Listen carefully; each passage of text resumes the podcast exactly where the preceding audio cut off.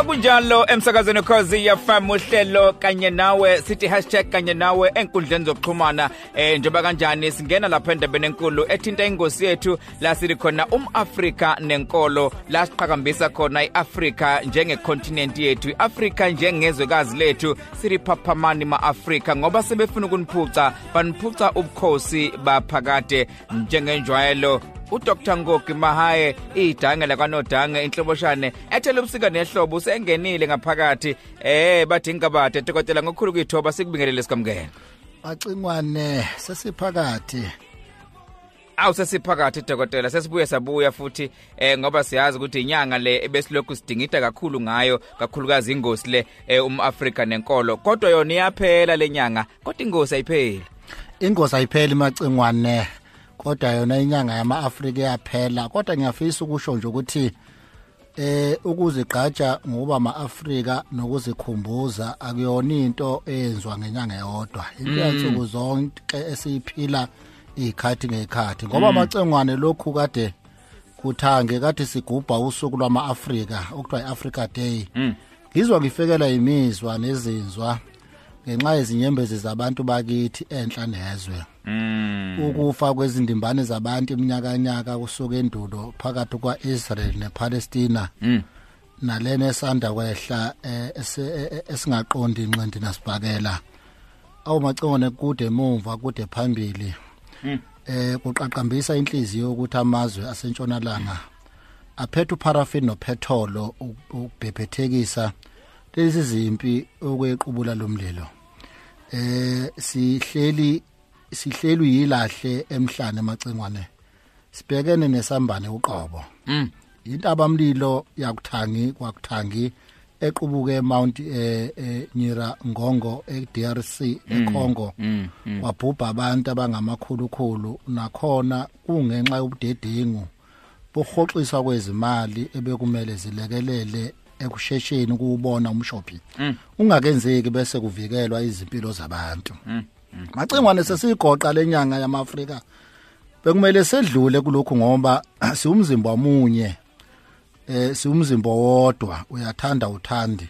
Kwesinye isikhathi kumele sibonge umveli nqangi nohulumeni wethu emzansi ukuthi basasivikele ezimpini eh, nodungunyano olwesabekayo esilibona kwamanye amazwe macengwane mm. Okuze kube namavukela mbuso nezidlamlilo ezikhafela umlilo ngamakhala. Mm. Kodwa thina lapha kwelakithi likamthaniya linokuthula uma uqhathanisa namanye amazwe asezweni esezweni kazi laseAfrika mm. Leli izwe lezingonyama macingwane izwe lenyandezulu yebo hayi ngakhuluma kakhulu ngalento kule yangosi yethu yangonyaka odlule mm mm. Macingwane amangithi lezi lele lezinyandezulu elezingonyama ngingakhuluma ngengonyama nje oqala ngiyazi yaziwa kodwa kuhle hlale sikhumbuzana ngoba sibe sikhohlwe nentsha olunye ulwazi ayilwazi.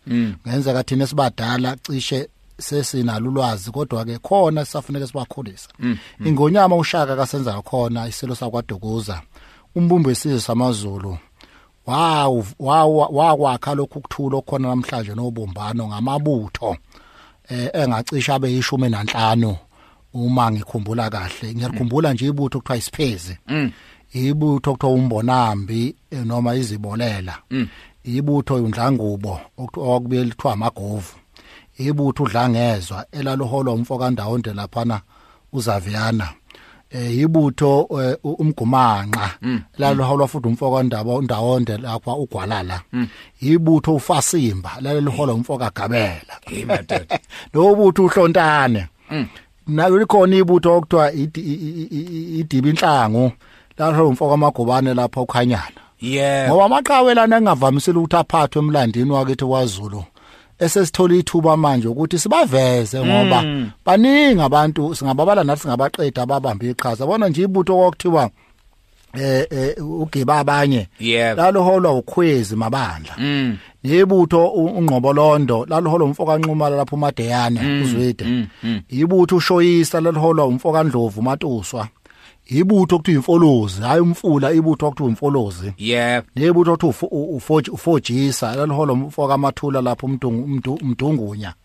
Nebutho laluholwa undaba enkulu ibutho ubhekenya. Nebutho lagcina ibutho lugcina uthi unjanduna awu sukani madoda dokotela. Eh wayichaza eh kakhulukazi amabutho enkosi ilembe leqamanye amalembe ngokukhalipha. Eh ngithanda masufaka induna okuyizona ezayihola lamakhosi eh kumbe ngithi ezayihola lamabutho esesingasho sithi ke omgilija bangaleso sikhathi.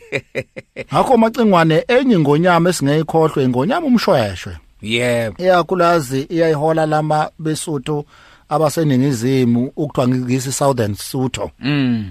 Wakho umbuso wakhe emathafeni omfula iCaledon ngokuhlanganisa abesuthu kanye nabenguni kodwa abesuthu bona babeni beyaningi esizweni sakhe.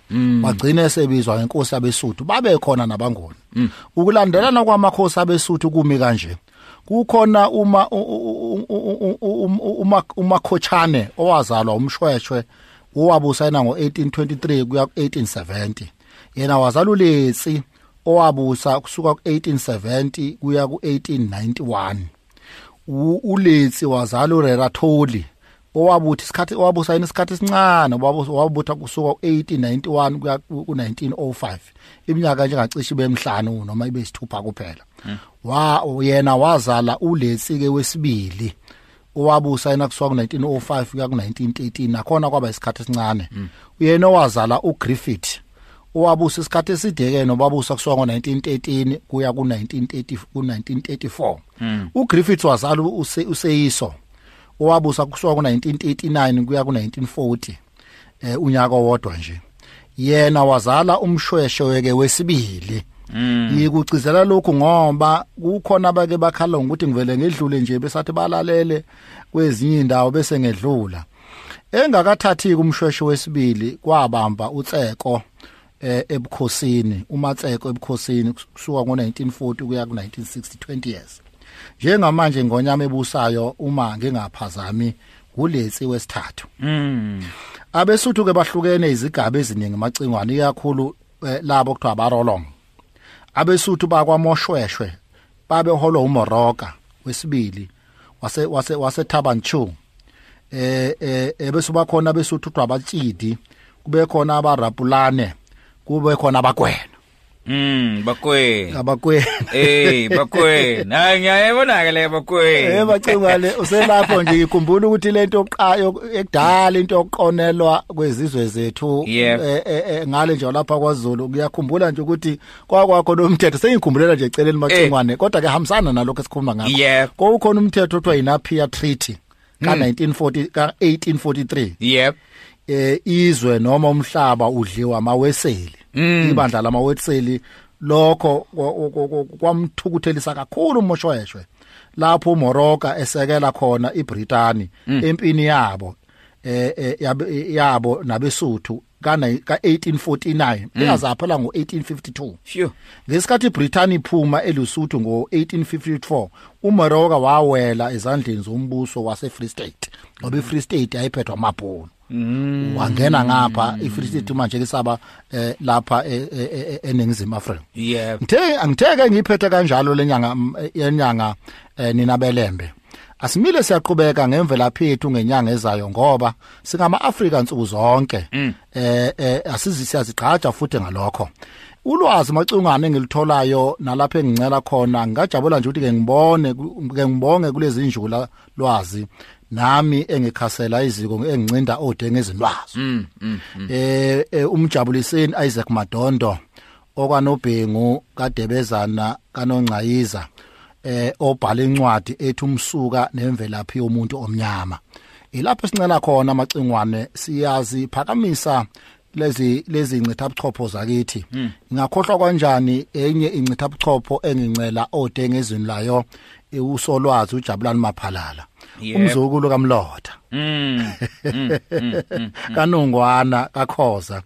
Obhala incwadi ethi izingonyama nabantwana basendlunkulu kusukela endulo. Kodwa dokotela ngiyakuzwa ke eh, ngoba ngiyabona masukhuluma kanje usukusufuna ukuya ngasemaphethelweni. M- m- mhlawumbe bengifisa dokotela ngoba kunombuzo kwavela kobunye abafowethu lapha esisebenza nabo ngaphakathi emsakazweni ekhuluma indaba ethinta amaXhosa ukuthi amaXhosa aphuma kumnguni wokuqala eh eh, hayi kunkosi inkulu eh eh eh, eh wokuqala. Engicabanga ukuthi mhlambe kube nokushayisana lapho eh kolwazi. Mhlambe si- singafisa ukuyikhanyisa lo ndawana Hawu singafisa ukukhanyisa amacingwane. Iqinisele ngephiko emuntu ukuthi umnguni oqala eh wesizwe sabangoni umnguni oqala okuyona kokholoti wethu uzala yena impela uXhosa. Azale undebele. Yep. Azale uswati bese zala ulozumane. Yep. Ngakho ke umnguni oqala leyona akuyena lo mnguni wesibili kamalandela. Mm. Eh macungane sengaba indawo endeke ukuthi ke eh unkosi inkulu uqhamuka kanjani noba na unonkosi inkulu oqala nonkosi inkulu wesibili. Ugcine uzulu ogcina uzulu ake sibambe lapha amacingwane namhlanje ngenxa yesikhathi. Siyabuya ngeviki elizayo enyangeni yabasha. Ay qedile dokotela ungethole eh ingosi umAfrika nenkolo iyaguqa. Noma kanjani ngesonto elizayo izobe ikhona futhi sikhuluma indaba ethinta thina njengama Afrika Africa.